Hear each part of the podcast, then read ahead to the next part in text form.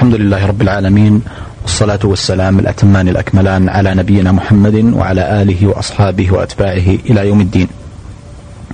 أيها الإخوة والأخوات السلام عليكم ورحمة الله وبركاته. وحياكم الله مع هذا اللقاء الجديد من برنامجكم في موكب الدعوة. والذي نستضيف فيه عبر كل لقاء نخبة من علمائنا ومشايخنا ودعاتنا الكرام لنستفيد من علمهم وتجربتهم وتوجيههم الكريم إلى إخوانهم وأخواتهم. ضيفنا في هذا اللقاء داعية موفق.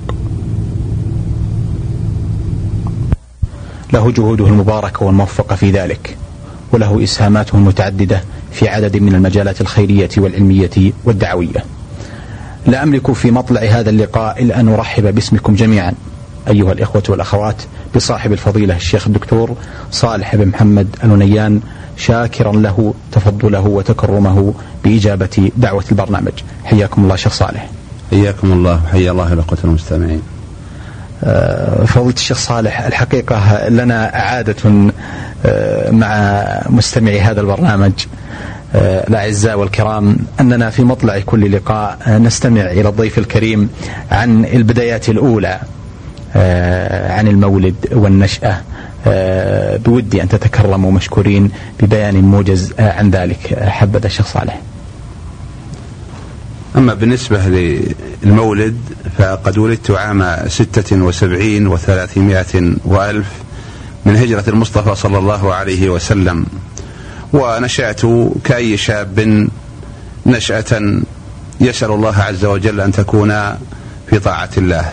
تلقيت التعليم في مدرسة أبي بكر الصديق في بريدة ثم انتقلت في السنة الثالثة إلى مدرسة الفاروق في بريدة أيضا ثم بعد التخرج من المرحلة السادسة الابتدائية التحقت بالمعهد العلمي في بريدة ثم تخرجت من المعهد العلمي في بريدة فالتحقت عام خمسة وتسعين وثلاثمائة وألف بكلية الشريعة بالرياض ثم عام ستة وتسعين وثلاثمائة وألف آه، تم افتتاح فرع جامعة الإمام في القصيم فانتقلت في المرحلة الثانية من كلية الشريعة ثم أتممت المرحلة الجامعية عام 1399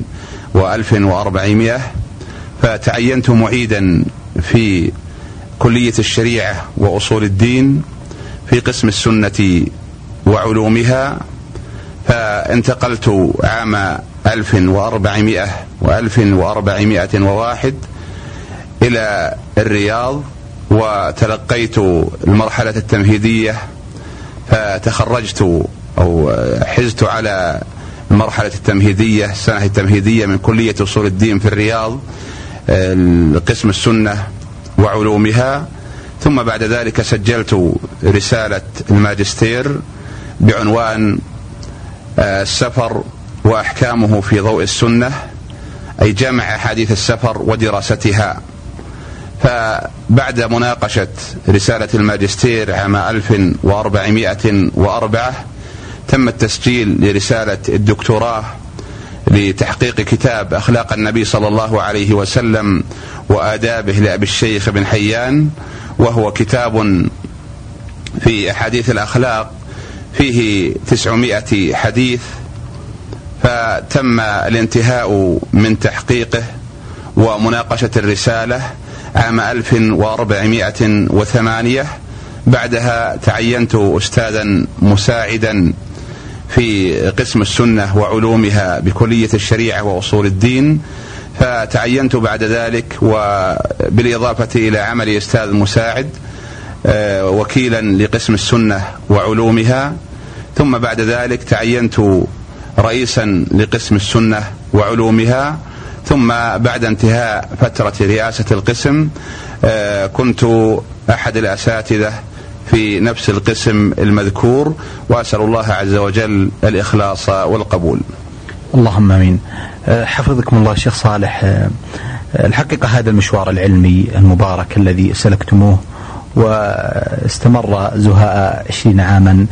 لا بد بل أجزم أن هناك العديد من الشخصيات التي كان لها تأثير على حياة ومسار آه، الشيخ صالح بن محمد الونيان لكم أن تستحضروا لنا بعض هذه الأسماء التي كان لها تأثير على مجرى حياتكم سواء كان ذلك عبر توجيهها وإرشادها أو عبر تلقيكم العلوم آه، عن أيديهم. هناك شخصيات علمية تذكرونها شيخ صالح. نعم هم بحمد الله كثير سواء منهم من كان التلقي عنه مباشرة أو كان التلقي من خلال كتبه. أو سماع دروسه عبر الأشرطة أو اللقاءات العابرة فيه. ومن هؤلاء الذين أذكر أن كأنه كان لهم أثر عظيم بعد الله عز وجل هو فضيلة شيخنا الشيخ صالح بن إبراهيم البليهي, البليهي رحمه الله رحمة واسعة الذي تلقيت على يديه العلوم وجلست عنده فترات وتتلمذت على يديه في المعهد العلمي في بريدة وبعد ذلك كنت تحت إشرافه ألقي بعض الدروس آه، في الجامع الكبير في بريدة وهو يحضر ويصوب ويقوم ويرشد. ولقد كان رحمه الله مثالا للعالم الرباني الذي يوجه توجيها تربويا واستفدنا من علمه وخلقه أشياء كثيرة. وممن آه، تلقيت عنهم آه، فضيلة الشيخ محمد بن صالح المرشد رحمه الله تعالى رحمة واسعة سواء كان في كلية الشريعة وأصول الدين أثناء تدريسه أو كان أثناء اللقاء به في أحد المساجد أم كان أثناء إشرافه على أحد البحوث الذي كنت أبحث فيه وأذكر أن هذا البحث كان بموضوع الاحتكار في نظر السنة. فلقد أفدت من الشيخ محمد رحمه الله فوائد كثيرة علما وخلقا وأدبا. أسأل الله عز وجل أن يتغمده بواسع رحمته. ومن هؤلاء المشايخ فضيلة الشيخ علي الضالع الذي كان يدرسنا في المعهد العلمي في بريدة وأفدنا منه فوائد عديدة. وكذلك الشيخ صالح السكيتي رحمه الله رحمة واسعة ومن المشايخ الذين تتلمذت على كتبهم سماحة والدنا الشيخ عبد العزيز بن عبد الله بن باز رحمه الله رحمة واسعة وأسكنه فسيح جناته و فضيلة شيخنا محمد بن صالح العثيمين متع الله بعمره ونفع به الإسلام والمسلمين وغيرهم ولله الحمد ممن لهم المكانة الرفيعة من علمائنا من كبار العلماء ومن الدعاة ومن الزملاء بحمد الله تعالى أسأل الله أن يجزيهم عني خير الجزاء اللهم آمين. أه تفضلتم شيخ صالح الحقيقة في مطلع هذا اللقاء بالإشارة إلى الرسائل التي أه نلتم بها درجتي الماجستير والدكتوراه. وأشرتم قبل قليل أه إلى بعض البحوث التي دونتموها وكتبتموها. أه، بودي أن أه، نستفسر أو نستوضح من فضيلتكم عن مصير هذه الرسائل والبحوث، هل كان لها حظ من النشر والتوزيع على الإخوة الذين يحبون أن يستفيدوا من هذه البحوث القيمة والمفيدة؟ بفضل الله عز وجل تيسر طباعة بعضا منها والبعض لا زال قيد الطبع. فمثلا رسالة الدكتوراه أخلاق النبي صلى الله عليه وسلم وآدابه لأبي الشيخ بن حيان آه هذا الكتاب الذي قمت بتحقيقه ودراسة أسانيده والحكم عليها تم بعد مناقشة الرسالة طبعه في أربعة مجلدات وهو موجود الآن في الأسواق. أسأل الله عز وجل أن ينفع به وأن يرزقنا الإخلاص والقبول. وأما بالنسبة لرسالة الماجستير فهي في اللمسات الأخيرة آه، قيد نشرها في المطبعة وقد تمت مراجعتها بحمد الله تعالى وسوف ترى النور قريبا بإذن الله. هناك بين هذا وذاك بعض الرسائل اليسيرة التي يهم الإنسان أن يبثها أو بعض الخطب طبع منها مجلدان في الخطب بعنوان صوت المنبر وطبع بعض الرسائل التربوية أسأل الله عز وجل أن ينفع بها. وقيد الطبع إن شاء الله بل هو في مراحله الأخيرة جدا آه، شرح كتاب عوالي الإمام مسلم وهو كتاب الحافظ بن حجر فيه أربعين فيه أربعون حديثا من أحاديث النبي صلى الله عليه وسلم ممن إسنادها أعلى من إسناد الإمام البخاري. تم شرح الكتاب وخدمته وأسأل الله عز وجل أن ينفع فيه اللهم آمين.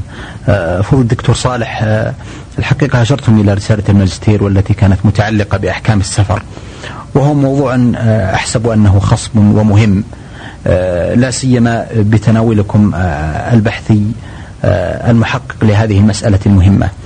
آه، أبرز الجوانب التي تعرضتم لها أو التي تعرضتم لها في بحثكم القيم هذا والذي قدمتموه لنيل درجة الماجستير. حقيقة يصعب استعراض آه، ما تم بحثه فيه لكن آه، من المعلوم أن الباحث في هذا الموضوع يحاول أن يأتي على دقائق الموضوع وما كان غامضا فيه. فتم بحث أشياء كثيرة منها الصيام في السفر وقصر الصلاة وجمعها والسفر يوم الجمعة ووقت القدوم على الأهل وغير ذلك مما هو موسوط في موضعه. نعم. الشيخ صالح حفظكم الله توجهكم الدقيق في مجال العمل بسنة الرسول صلى الله عليه وسلم بحثا ودراسة وتحقيقا. هذا الجانب المهم كيف ترون أهميته بالنسبة لطالب العلم؟ لا سيما في وقت أو في زمن تتجاذب فيه الآراء نحو توجهات عديدة في دراسة الفقه أو في دراسة السنة أو الاهتمام بأحدهما أو الجمع بينهما أو الاهتمام بجوانب أخرى من العلوم الشرعية. أهمية دراسة السنة بالنسبة لطالب العلم والعناية بهذا العلم الأصيل. أرى أن دراسة سنة النبي صلى الله عليه وسلم من الأهمية بمكان في كل زمن لا سيما في هذا الزمن. والنبي صلى الله عليه وسلم أخبر أنه ترك فينا ما إن تمسكنا بهما لن نضل كتاب الله عز وجل وسنته صلى الله عليه وسلم. وإذا كان صحابته صلى الله عليه وسلم ورضي عنهم إذا كانوا حفظوا لنا سنته صلى الله عليه وسلم حتى وصلت إلينا مثل ما قالها صلى الله عليه وسلم وبينوا لنا الصحيح من السقيم فكان من حقنا نحن أن نشبعها دراسة وأن نعض عليها بالنواجذ حتى لا يختلط علينا الأمر ويصبح الإنسان يسير على غير هدى. إذ أن من اعتصم بسنة النبي صلى الله عليه وسلم وقبل ذلك بكتاب الله تتكون لديه البصيرة في الدين فلا يكون مصيرا لتشكيك المشككين ولا لتلبيس الملبسين وإنما يسير على الطريق الصحيح وبالتالي يسأل الله الثبات عليه. أحسنتم مثابكم الله. آه شيخ صالح آه لا شك أن عملكم في الجامعة أتاح لكم العديد من المشاركات العلمية والدعوية. آه أبرز هذه الأنشطة التي لكم مشاركة فيها أو الحضور العلمي والدعوي في ذلك سواء في مؤتمرات أو جمعيات أو غير ذلك تبرز لنا بعض ذلك حبذا شيخ صالح. أما بالنسبة للجمعيات أو المؤتمرات فأقول آه، إنني من خلال عملي في الجامعة آه، كنت عضوا في آه، لجنة مساعدة راغبي الزواج في مدينة بريدة والتي نفع الله عز وجل بها عدد كثير من الشباب في وقت كثرت فيه المغريات. وعضو أيضا في لجنة ترى الأهلة الشرعية وهذه اللجنة هي لجنة آه، صدر فيها قرار رسمي وتم اختياري عضوا أو مندوبا عن آه، محاكم القصيم أو المحكمة الشرعية في بريدة. ولا زالت اللجنة ولله الحمد تباشر عملها من منذ سنة. وأسأل الله عز وجل أن ينفع بها. أحسنتم شيخ صالح. آه هذه الإشارة المهمة إلى مشاركتكم في لجنة مساعدة راغب الزواج. آه هذه اللجان ولله الحمد شيخ صالح صار لها أثر وانتشار في بعض مناطق ومدن المملكة. آه أجد من المناسب جدا أن يوجه الشيخ صالح توجيها كريما لمحب الخير من المسرين وغيرهم إلى أهمية المشاركة في هذا المجال لا سيما وأنتم تلمسون عن قرب شيخ صالح مدى الحاجة.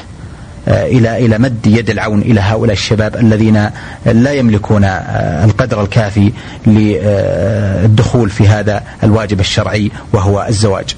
آه، هل من كلمة شيخ صالح في هذا المجال؟ أقول إن وجود مثل هذه اللجان يعتبر ضرورة ملحة وهي في الحقيقة ميزة من الميزات التي تميزت بها هذه البلاد نسأل الله عز وجل أن يزيدنا من شكر نعمته. ولذلك هذه اللجنة بدأت أعمالها بإشراف أو رئاسة آه، رئيس محاكم القصيم وعضوية عدد من القضاة وأساتذة الجامعات ورجال الأعمال والدعاة الأخيار. أسأل الله عز وجل أن يوفقهم جميعا لما يحبه ويرضاه. وباشرت عملها ولله الحمد والمنة. وقامت بتزويج أكثر من ألف شاب وشابة. بذلت لهم المال. وفي بعض الأحيان يتم تأمين المكان الذي يكون فيه تكون فيه مناسبة الزواج كالقصور مثلا وفي بعض الأحيان يتم تأمين ما يتيسر من الأثاث. وفي الحقيقة هذه اللجنة إنما هي جسر بين المحسن وبين راغب الزواج. ولا شك أن تحصين شباب المسلمين ضد آه، مزالق الفساد مسؤولية المسلمين أنفسهم. وهي مسؤولية الأخيار للدلالة على ذلك ومسؤولية أهل الدثور أي الأموال بدعم هذا المشروع. ونعمة من الله عز وجل أيما نعمة أن يكون الإنسان مساهما بماله. بإنشاء أسرة مسلمة تعبد الله عز وجل على بصيرة يكون له مثل يكون له أجرها إلى أن يشاء الله عز وجل. ولذا فأقول إن دعم أمثال هذه اللجان إنه من خير ما أنفقت فيه الأموال. أسأل الله عز وجل أن يتقبل من المحسنين وأن يزيدهم من الإيمان والتقى. اللهم آمين. لكن شيخ صالح هذه الجمعيات هل آه، الدور الذي تقوم به من من ناحية تقديم المساعدة المالية فحسب لهذا الشاب الذي يفكر في الزواج؟ آه، قد آه، تذهب هذه المساعدة لكن هل من تفكير في خطوات أخرى؟ في جوانب أخرى يمكن من خلالها استثمار هذه الأموال لمدد أطول ولعدد أكبر من الشباب حتى تستطيع أن تغطي تلك الطلبات الهائلة والعديدة من المتقدمين. حقيقة آه، هذا سؤال مهم جدا واقتراح طيب وهو أن يوجد رافد لهذه اللجنة. يوم أن يأتي مال من الزكاة أو من الصدقة ينفع الله عز وجل فيه بتزويج هذا الشاب لتلك الفتاة وبالتالي ينتهي هذا المال وإن كان الأجر باقيا. لكني أدعو أهل الأموال والقادرين والموسرين على أن يقفوا جزءا يوقفوا جزءا من أموالهم على نشاط هذه اللجنة. فيستمر ذلك العقار يستثمر ثم بعد ذلك يصرف للمتزوجين أو مريد الزواج على تعاقب الأزمان ويصبح لصاحبه صدقة جارية. ولذا فإن هذا الأمر مهم جدا وإني أدعو أصحاب الوصايا وغيرهم أن يجعلوا جزءا من هذه الوصايا على هذه اللجنة وأمثالها فإن ذلك أدوم وأبقى واللجنة تقوم بالنظارة والمتابعة والتحصيل وبالتالي ما يكون من ذلك يصرف في هذه المصلحة الشرعية المتعينة في هذا الزمن. أحسنتم وأثابكم الله شيخ صالح. ننتقل إلى جانب آخر شيخ صالح من الجوانب المهمة التي لكم علاقة لصيقة وكبرى معها. ألا وهو آه التدريس في الجامعة والتدريس في العلوم الشرعية التي آه، أسند لكم في قسم السنة, السنة رئاستها لفترة وتلقون العديد من المحاضرات والدروس على آه، أبناء كليتي آه، الشريعة وأصول الدين. شيخ صالح مستوى طالب العلم الآن هل ترى أنه في هذا العصر الذي كثرت فيه وتعددت وتفننت المغريات التي تجذب الشاب وتصرفه عن كثير من الجوانب المهمة والتي من أولوياتها طلب العلم الشرعي. هل ترون شيخ صالح أن آه، التوجه الموجود نحو طلب العلم الشرعي توجه يعتبر قدرا كافيا أم أننا بحاجة إلى المزيد من هذا التوجه من الشباب؟ بل أحدد الحرص الذي ينبغي من الشاب نحو تحصيل طلب العلم سواء كان ذلك في الجامعة أو في المعهد أو في المدرسة أو في حلقات العلم المبثوثة التي هي رافد مهم لذلك. أرى أن التوجه لطلب العلم الصحيح أرى أنه موجود كيفا لا كما ولذلك تجد نخبة من الشباب تجد أن الواحد منهم حريص على طلب العلم شغوف به يتتبعه من هنا وهناك ويثني رجله في حلق العلم وحلق الذكر في المساجد ويزاحم العلماء بالركب ويتتبع كل شاردة وواردة من العلوم بقلمه يكتبها ويدونها ثم يراجعها. هؤلاء بحمد الله موجودون لكن قد لا يكونوا كما هائلا باعتبار أن الآن فتحت المغريات وسار وراءها من سار وأصبح الوقت عند بعض الشباب هدرا لا قيمة له. ولذا فإني أرى أن يغرس طلب العلم في الصغار منذ الصغر. ولذلك الأب يربي أولاده على أهمية الطلب. ويخبرهم بمكانة العلماء. ولما وصل العلماء إلى هذه المكانة؟ يرجع إلى قول الله عز وجل يرفع الله الذين آمنوا منكم والذين أوتوا العلم درجات. فهؤلاء إنما وصلوا إلى هذه المكانة لأن العلم بعد توفيق الله عز وجل أوصلهم إلى هذه المكانة. فإذا كان الأب يوجه والمدرس في مدرسته في مراحلها الأولى يوجه فإن الشاب حينئذ يتتابع عليه التوجيه وبالتالي لا بد ممن يأخذ بيده. ويذهب به إلى هذه الحلق ويحاول بقدر المستطاع أن يستثمر وقته فحينئذ يأتي دور إمام المسجد بالترغيب فيه والجلوس لمن أراد ذلك وفتح المجال لهم. فلا بد أن يكون هناك حلق ابتدائية يجلس فيها الصغار فيتعلموا ثم ينتقل إلى مرحلة أخرى فقد تجد حلقة من الحلق العلمية القوية لكن قد لا تجد مكانا للمبتدئ فيها. فلو جلس معهم المبتدئ ربما أعاقهم عن السير في منهجهم. ولو جلس ولم يناقش ولم يتكلم ربما بقي محروما من الفائدة. ولذا فاحتضان هؤلاء المبتدئين من الأهمية بمكان حتى يعطوا هذه المتون فيحفظوها. وأشير إلى مسألة مهمة بدأ بها السابقون وهو حفظ المتون. ولذلك قالوا من حفظ المتون حاز الفنون. فبالتالي إذا حفظ المتون انتقل إلى حلقة أقوى منها وهكذا يتدرج في حلق العلم إلى أن يحصل ما شاء الله عز وجل أن يحصل. فإذا حصل شيئا من العلم كان مدعاة إلى أن يعمل بما حصل وأن يدعو إلى ذلك الذي حصله من العلم ثم يستمر على ذلك وإنما السيل اجتماع النقط. لكن السير وراء المغريات والتسويف في قتل الأوقات ذلك أكبر ما يقضي على العلم ويذهب أثره. أسأل الله عز وجل أن يوفق شباب المسلمين لطلب العلم النافع وللعمل الصالح. اللهم آمين. أه، أثابكم الله شيخ صالح. في الحقيقة أن لدينا أه، لم نزل بعد أه، الكثير من الجوانب المهمة التي نحب أن نتناولها مع صاحب الفضيلة الشيخ دكتور صالح بن محمد الونيان. فعملكم الخيري وأنشطتكم المباركة في الدعوة إلى الله سبحانه وتعالى. وجهودكم المباركة في الخطابة. آه، كل ذلك يحتاج إلى وقفات أخرى متأنية. آه، لكنني أرى أن وقت الحلقة لا يسعفنا بمزيد من ذلك.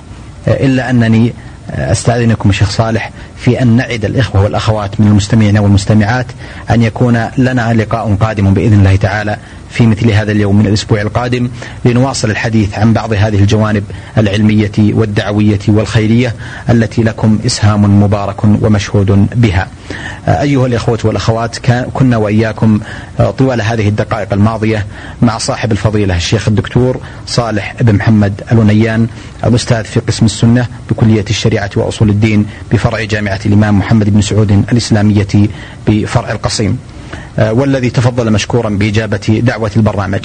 نعدكم بإذن الله تعالى أن نلقاكم على خير في مثل هذا اليوم من الأسبوع القادم. والسلام عليكم ورحمة الله وبركاته. بسم الله الرحمن الرحيم. الحمد لله رب العالمين والصلاة والسلام الأتمان الأكملان على نبينا محمد وعلى آله وأصحابه وأتباعه إلى يوم الدين. أيها الإخوة والأخوات السلام عليكم ورحمة الله وبركاته. وحياكم الله. في هذا اللقاء الجديد من برنامجكم في موكب الدعوة. كنا وإياكم في الأسبوع الماضي مع لقاء مع صاحب الفضيلة الشيخ الدكتور صالح بن محمد الأنيان الأستاذ في قسم السنة بكلية الشريعة وأصول الدين بفرع جامعة الإمام محمد بن سعود الإسلامية بالقصيم. وتحدث فضيلة مشكورا عن بعض الجوانب الشخصية والجهود المباركة التي يقدمها في عدد من المجالات. لنا تواصل في هذا اليوم بإذن الله تعالى مع فضيلته عبر آه، بعض الجهود المباركة والموفقة التي يقوم بها. شيخ صالح آه، أنتم تعرفون بخطبكم المباركة والنافعة والتي يحضرها الكثير ونفع الله سبحانه وتعالى بها. آه، كيف كان بداية التحاقكم أو بداية بشرف الانتساب لهذا العمل المبارك وهو الخطابة والإمامة حقيقة لا زلت أذكر آه، ساعة بدايتي مع الخطابة. فذلك في عام 1404 للهجرة. وذلك حينما تم اعتماد جامع الخليج لصلاة الجمعة وقد كان قبل ذلك آه، مسجدا للفروض. المعتادة فكان المسجد من دون إمام فطلب مني أهل الحي أن أصلي بهم الجمعة فما كان بد من أن أوافق على ذلك والحمد لله على ما قدر. فوافقت على هذا الطلب وقد كان الطلب في يوم السبت مستبعدا يوم الجمعة وكل آت قريب. ولما مضت الأيام واقترب يوم الجمعة بدأ الهم يثقل بالساعة أشد من الساعة التي قبلها. لكن لم يكن للاعتذار مجال. فبدأت في جمع أو في الإعداد في اختيار موضوع الخطبة ثم في جمع عناصرها ثم بعد ذلك في صياغتها وحينما كان يوم الجمعة يسر الله عز وجل وتم إلقاء خطبتي الجمعة والصلاة بعدهما ثم طلب مني التمديد لجمعة أخرى فلم يكن بد من الموافقة. وبعد مضي جمعتين جمعتان وأكثر طلب مني الإخوة أن أكون إماما رسميا في جامع الخليج. فاستخرت الله عز وجل واستشرت فقدر الله أن أوافق على ذلك فتم تعييني إماما وخطيبا في جامع حي الخليج في بريدة فبعد ذلك استمر العمل فيه وأسأل الله عز وجل الإخلاص والقبول. اللهم آمين. شيخ صالح لا شك أن خطبة الجمعة والخطيب آه، يملك سلاحا مؤثرا وفعالا. وهي مسؤولية وأمانة كبرى ألقاها الله سبحانه وتعالى على عاتق أولئك الذين تصدروا مثل هذه المنابر والمجالس. شيخ صالح التوجيه الذي تقدمونه لمن يستمع إليكم من الأئمة والخطباء نحو الاهتمام بهذه الموعظة الأسبوعية واللقاء الأسبوعي المتكرر والمهم والذي قد يفرط البعض في أهمية آه، استثمار هذه الفرصة الإيمانية المباركة التي هيأها الله سبحانه وتعالى للناس. سيما والناس قد شغلوا في هذا الوقت بكثير من الأمور التي لا يجدون فرصة يتلقون فيها التوجيه والإرشاد والاستفادة والإنابة والتوبة إلى الله سبحانه وتعالى من فرصة لقاء الجمعة الأسبوعي. حقيقة ليس مثلي من يوجه توجيها إلى الخطباء ففي الخطباء من هم أفضل مني؟ لكني أقول أن التعامل مع الخطبة أي مع خطبة الجمعة ينحى منحيين اثنين. إما أن يكون التعامل تعاملا وظيفيا ولا شك أن هذا لن يجدي إلا برودا وتكاسلا وبالتالي آه الإنسان ينظر تلك الساعة التي ينزل من المنبر إلى الصلاة ثم يخرج ثم يعود مرة أخرى ويصبح كما يؤدي الموظف عمله اليومي يؤدي خطبة الجمعة. ولا شك أن هذا قد لا يكون فيه تأثير البتة وربما كان التأثير ضعيفا. الأمر الثاني أو المنحى الثاني هو أن يكون التعامل مع خطبة الجمعة على أنها رسالة. فإن تعامل معها على أنها رسالة لابد أن تكون الرسالة في موضعها. وبالتالي فلا بد أن يحمل هما لاختيار موضوعها ولا بد أن يكون الموضوع ذا صلة بواقع الناس لابد أن يشارك الناس أفراحهم لابد أن يشاركهم أتراحهم لابد أن يربط ما يتكلم فيه من الموضوعات بواقع الناس. وبالتالي هذه النصوص إذا ربطت بواقع الناس استطعنا أن نستثمرها. فلا بد أن يحمل هما لاختيار الموضوع. فإذا تم اختيار الموضوع لا بد أن يسعى في جمع عناصر هذا الموضوع. فإذا اكتملت عناصر الموضوع لا بد أن يقسمها. وبالتالي يقوم بجمع المادة العلمية ثم صياغتها. ولا بد أن يكون له وقت كاف في ذلك. ولو أننا جعلنا خطبة الجمعة رسالة مهمة لا تضارعها رسالة لكان لنا أن نستغرق من السبت إلى صباح الجمعة في إعدادها وصياغتها وهكذا يصبح همها الأسبوع كله. لماذا؟ لأن هذا الجامع الذي ينصت للخطيب بل إذا قال الواحد منهم لصاحبه أنصت فقد ورد في حقه أنه لغى. فهؤلاء لا بد أن يقابل هذا الإنصات بأن يدخل إلى قلوبهم ما يباشرها وبالتالي يكون معينا لهم على الاستفادة. واعلم أخي الخطيب أن خطبة الجمعة تلقى في المسجد لكنها بعد الصلاة تنتشر حديثا للمجالس في البيوت وفي اجتماعات الناس.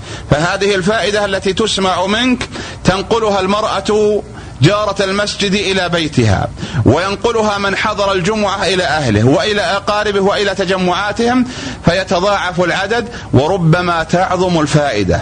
ولذا فإني أقول إن التعامل مع خطبة الجمعة على أنها رسالة من الأهمية بمكان فذلك أدعى لتأثيرها. أحسنتم الشيخ صالح. لا شك أن هذا الأمر المهم الذي تفضلتم بالإشارة إليه ونوهتم به جدير بالعناية والاهتمام.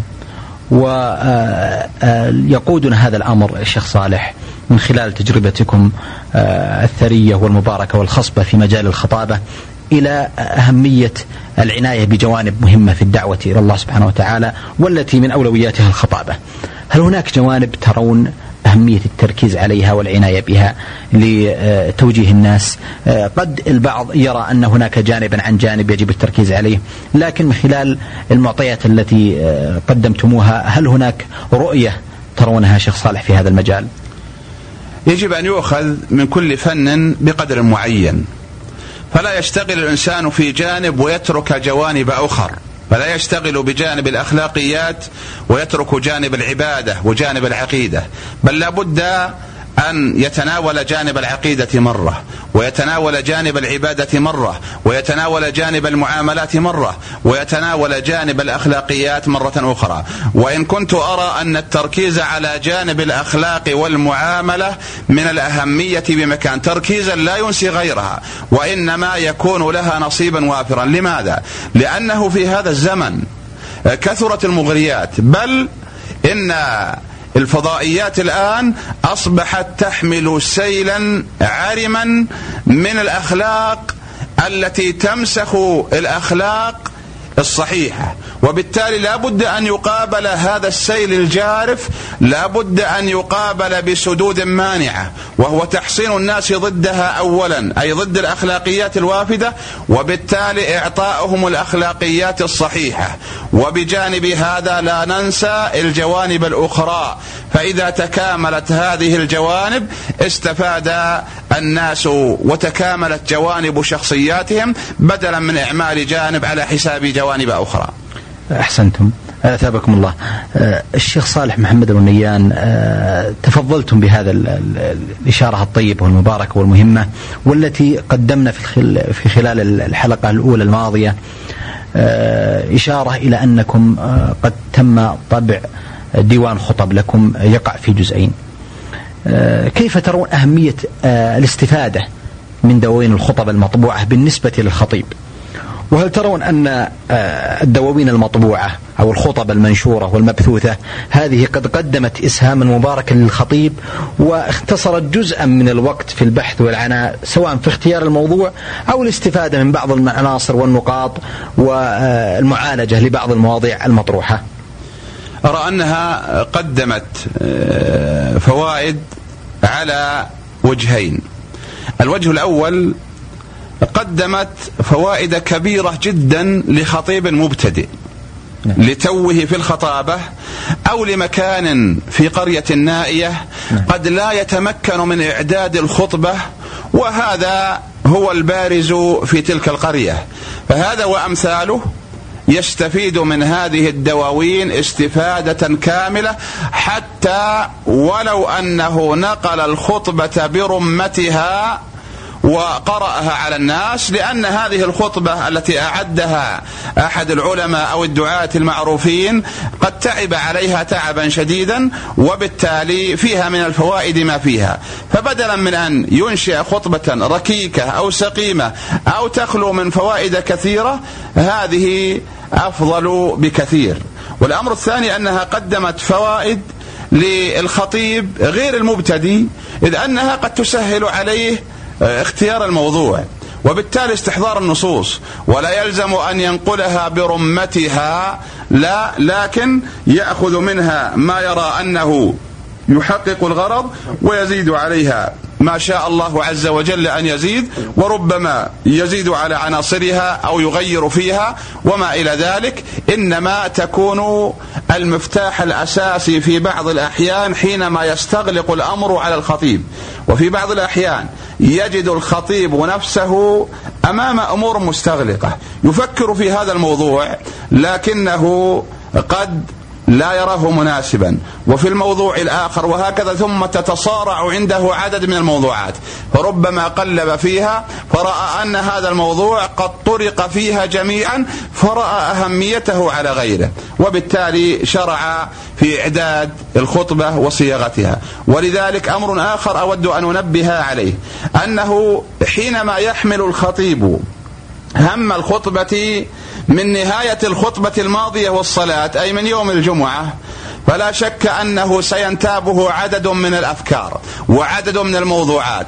أحيانا هذه الأفكار لا ترد إلا وهو يسير في سيارته فما عليه إلا أن يستخرج قلما بعد وقوفه ويدون هذه الأفكار ثم أحيانا يطرأ عليه وهو في محل من المحلات أو جلسة من الجلسات أو يدار موضوع من الموضوعات فيستل منه موضوعا آخر فما عليه إلا أن يدون تلك المعلومات فإذا كان في بيته نظر فيها فرتبها فربما تشكلت عنده خطبة كاملة بعناصرها ولم يبقى إلا صياغتها. فأول الأسبوع هم في البحث عن الموضوع وفي أثناء الأسبوع هم في جمع العناصر وفي آخر الأسبوع صياغة للخطبة وأداء لها. أحسنتم يا شيخ صالح. انتقل شيخ صالح إلى جانب آخر من الجوانب المباركة والمهمة في حياتكم ونشاطكم. شيخ صالح آه، نعم شيخ صالح آه، الحقيقة هناك نشاط خيري مبارك ومشهود لكم وهو ما يعرف بالمستودع الخيري الذي تبنيتم فكرته ويقوم ويقع تحت إشراف من جمعية البر الخيرية بمدينة بريدة.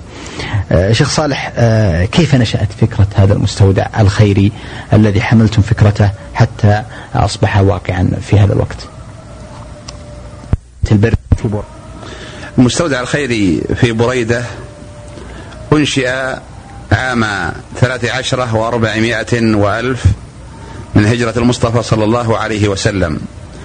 و آه، تشرف عليه آه، جمعية البر الخيرية في مدينة بريدة تلك الجمعية العريقة ذات الأنشطة المتعددة التي نفع الله عز وجل بها المسلمين في هذه البلاد ولها نشاط ملموس وجهود مشكورة. نسأل الله أن يثيب القائمين عليها كل خير. نشأ هذا المستودع عام 13 و400 وألف وكانت الفكرة الأساسية لإنشاء المستودع هي الاستفادة من الأشياء المستعملة. وهذه الفكرة آه، في نظري أن فيها طرافة وجدة في نفس الوقت. فالاستفادة من الأشياء المستعملة من الأهمية بمكان إذ أنها ثروة طائلة مهدرة. فمثلا المستودع يستفيد من الأجهزة الكهربائية والمنزلية المستعملة ويستفيد من الأواني المستعملة ومن الفرش المستعملة ومن الملابس المستعملة ومن غرف النوم والحذاء وغيرها كل ما كان مستعملا المستودع يستقبله ويقوم بتجهيزه وإيصاله للمحتاجين في أماكنهم.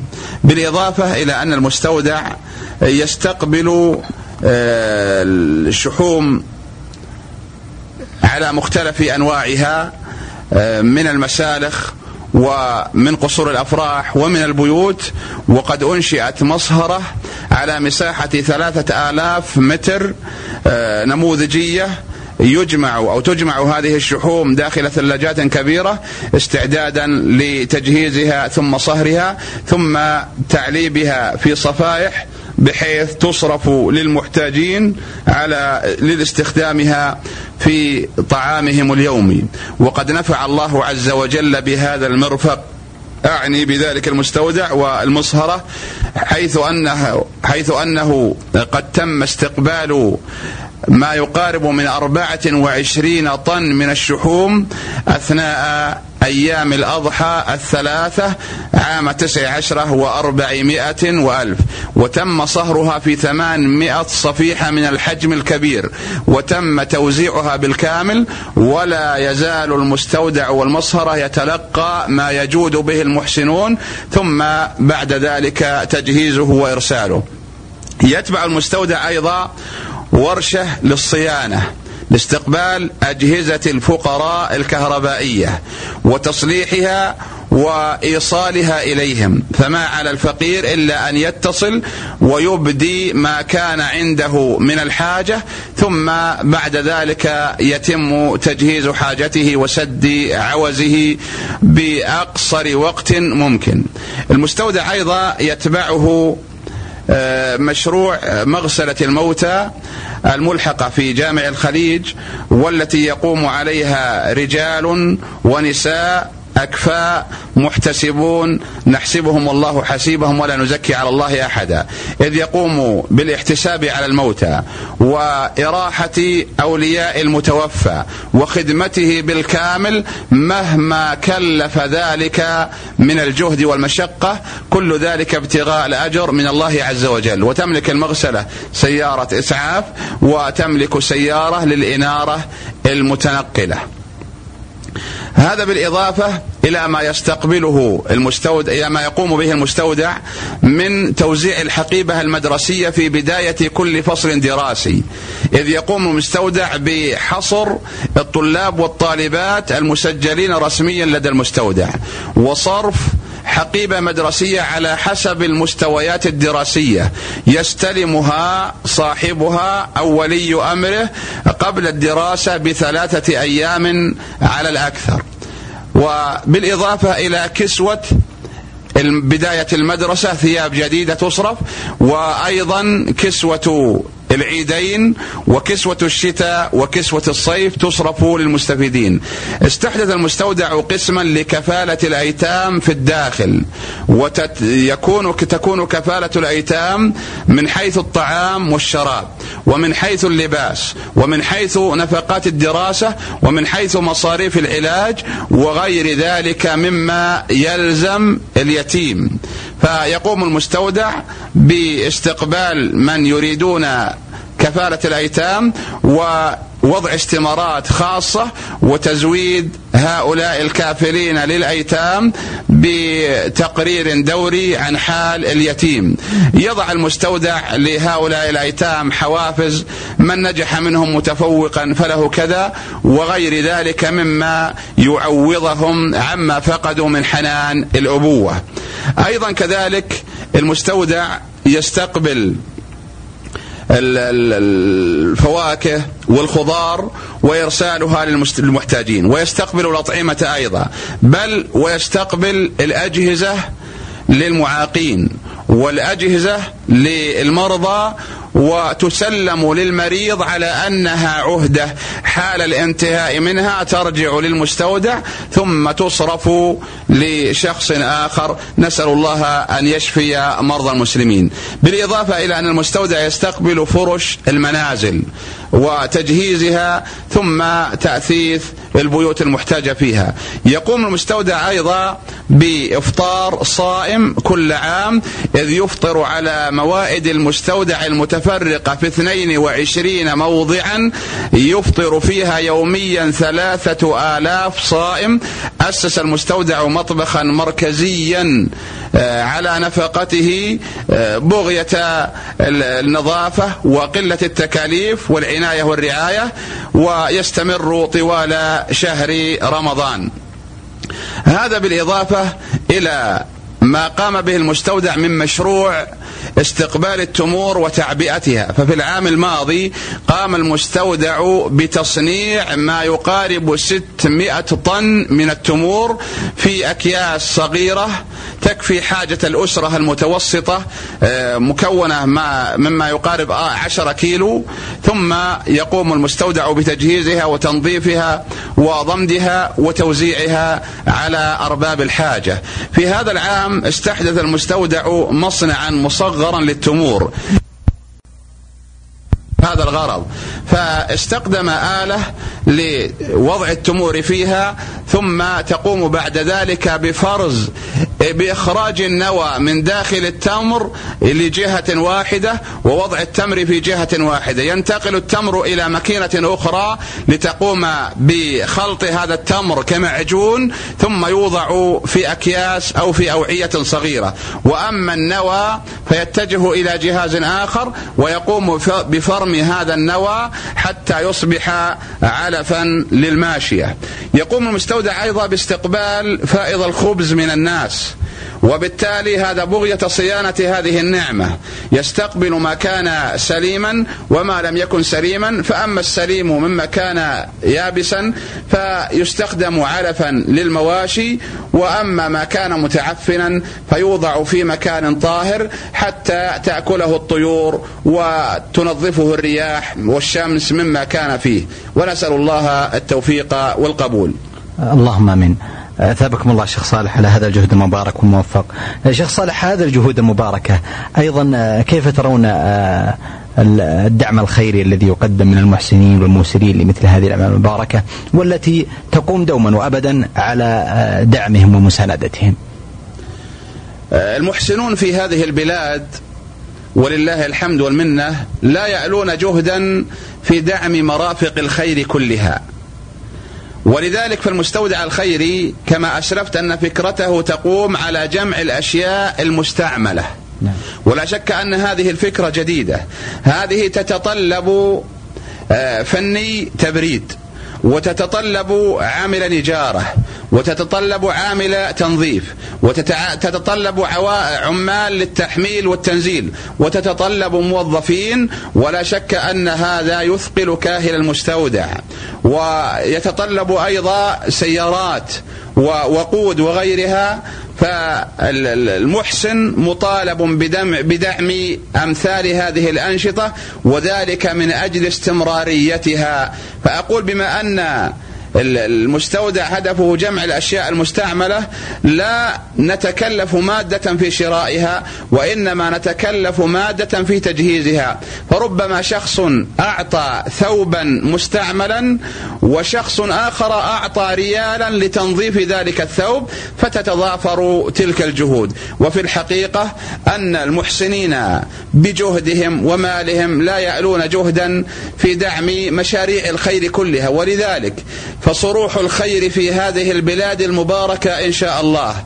هي بالحقيقة منارات شامخة وتاج مرصع في جبين هذه البلاد. ولعل الله عز وجل أن يصرف عن هذه البلاد السوء والمكروه بسبب أفعال الخير. فقد ورد أن الصدقة تقي مصارع السوء.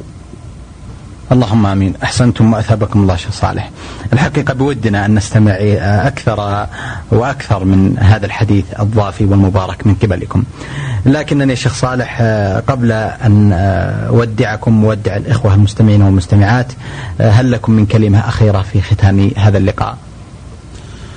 أقول إضافة إلى ما سبق فالمستودع ولله الحمد والمنة له نظائر في عدد من مدن المملكة وأسأل الله عز وجل أن يجزي القائمين عليها كل خير. فله نظير في المدينة النبوية يشرف عليه إخوة محتسبون. نسأل الله عز وجل أن يوفقنا وإياهم لما يحبه ويرضاه. ما أود أن أشير إليه أنه هذه الأشياء المستعملة حقيقة هي أشياء ثروة لكنها مهدرة. أرأيت إلى الملابس؟ نستقبل في الأسبوع ما يزيد على ستين طن من الملابس. هذه كلها تذهب إلى أصحابها. ومن نعم الله عز وجل أن يوجد من يأخذ هذه الملابس في أرجاء الدنيا. فالثوب الذي لا يستعمل عند أحد أطفالك. تجد من أبناء المسلمين في مشارق الأرض ومغاربها من يتزين به للعيد ويتجمل به للصلاة واللحاف الذي تستغني عنه أيضا كذلك. بل ولا أكتمك أن الحذاء الذي تلبسه إذا استغنيت عنه يوجد له مصرف مهم جدا إذ أن هناك من يمشي حافي القدمين وهو في انتظاره. فلا تتردد أخي في دعم أمثال هذه المشاريع. وما عليك إلا الاتصال على هاتف المستودع وفور الاتصال إن شاء الله يأتي من يحضر ما عندك وبنفس راضيه كما أني أدعو كل محسن بل ومحتاج بل وغيرهما أدعوه إلى أن يقوم بزيارة لهذا المستودع ليرى ما فيه فنظفر منه ولو بدعوة صالحة. أحسنتم وأثابكم الله. آه، أيها الإخوة والأخوات كنا وإياكم آه، طوال هذا الوقت الماضي آه، في حديث ممتع وشيق لا يمل مع صاحب الفضيلة الشيخ الدكتور صالح بن محمد الونيان الأستاذ في قسم السنة بكلية الشريعة وأصول الدين بفرع جامعة الإمام محمد بن سعود الإسلامية بالقصيم وإمام وخطيب جامع حي الخليج بمدينة بريدة. في ختام هذا اللقاء لا أملك إلا أن أتوجه بالشكر الجزيل بعد شكر الله سبحانه وتعالى لصاحب الفضيلة الشيخ صالح محمد الونيان على هذا الحديث المبارك والنافع والمفيد بإذن الله تعالى. وآمل بإذن الله تعالى أن نلقاكم على خير في مناسبات ولقاءات نافعة أخرى قادمة. والسلام عليكم ورحمة الله وبركاته. في موكب الدعوة إعداد وتقديم محمد بن عبد الله المشوح.